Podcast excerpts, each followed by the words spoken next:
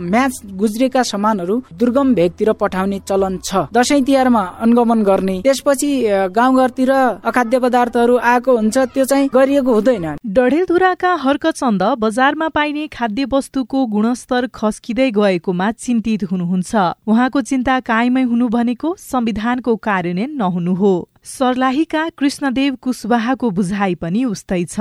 अभी समय तकले गाउँपालिका नगरपालिका कोनो किसिम के पहल नहीं के भइल। बजार के गुण स्तर चेक करे वाला अवस्था आज तकले नहीं के देखल गल संविधानको धारा छत्तीसमा प्रत्येक नागरिकलाई खाद्य सम्बन्धी हक हुने नागरिकलाई खाद्य वस्तुको अभावमा जीवन जोखिममा पर्ने अवस्थाबाट सुरक्षित हुने व्यवस्था छ। संविधानको व्यवस्था लागू गर्नका लागि योजना नभए पनि काम सुरु भएको बताउँदै तनहुको भिमाद नगरपालिकाका उपप्रमुख शारदा खनाल। समिति बनाएर समितिबाट हरेक पसलहरू चेक गर्ने त्यसको सामानहरू उठाइदिने नगरपालिकामा लगेर नष्ट गरिदिने नगरपालिकाबाट अनुगमन जाने माथि जिल्लाबाट आउनुहुन्छ। सरकारले खाद्य तथा खाद्य सम्प्रभुताको अधिकार कार्यान्वयनका लागि विधेयक नै बनाएको छ। यसले मौलिक हकलाई कार्यान्वयन गर्ने र त्यसका लागि उपयुक्त संयन्त्र निर्माण गर्ने काम प्रदेश कार्यालयबाट भइरहेको बताउनुहुन्छ खाद्य प्रविधि तथा गुण नियन्त्रण विभागका महानिर्देशक डाक्टर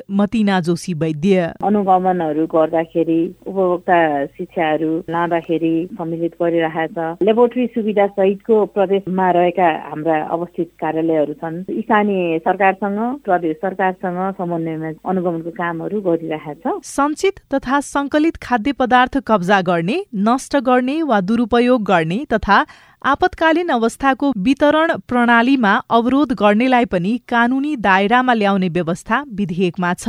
संविधान जारी भएको चार वर्षमा भएका व्यवस्था कार्यान्वयन नहुनुलाई उपभोक्ता अधिकारवादी कसरी लिन्छन्? उपभोक्ता हित संरक्षण मञ्च नेपालका सचिव केपी लम्साल। राज्यको प्रायोरिटी भित्र यो नपरेको हो भनेदेखि अब खाद्य ऐन पनि परिमार्जन हुँदै टेबल हुँदै मन्त्रालयमै रुम दिइरहने अवस्था अहिलेसम्म पनि छ र बनेको ऐन पनि फेरि स्टेक होल्डरसँग राम्रोसँग चाहिँ छलफल नगरिकन र त्यसका कतिपय प्रावधानहरू अझै घनीभूत छलफल गर्नुपर्ने खालको पनि देखिन्छ म्याद गुज्रिएका र अखाद्य सामग्री बेचेर उपभोक्ताको स्वास्थ्यमा खेलवाड गर्नेहरूलाई सजग गराउने र चेतावनी दिने गरेका खबर सार्वजनिक हुने गरेका छन्। तर दोषीलाई दस वर्षसम्म कैद वा पाँच लाख रुपियाँ जरिवाना वा दुवै सजाय हुने संविधानको व्यवस्था कार्यान्वयन भएको खबर नागरिकले अझै सुन्न पाएका छैनन्।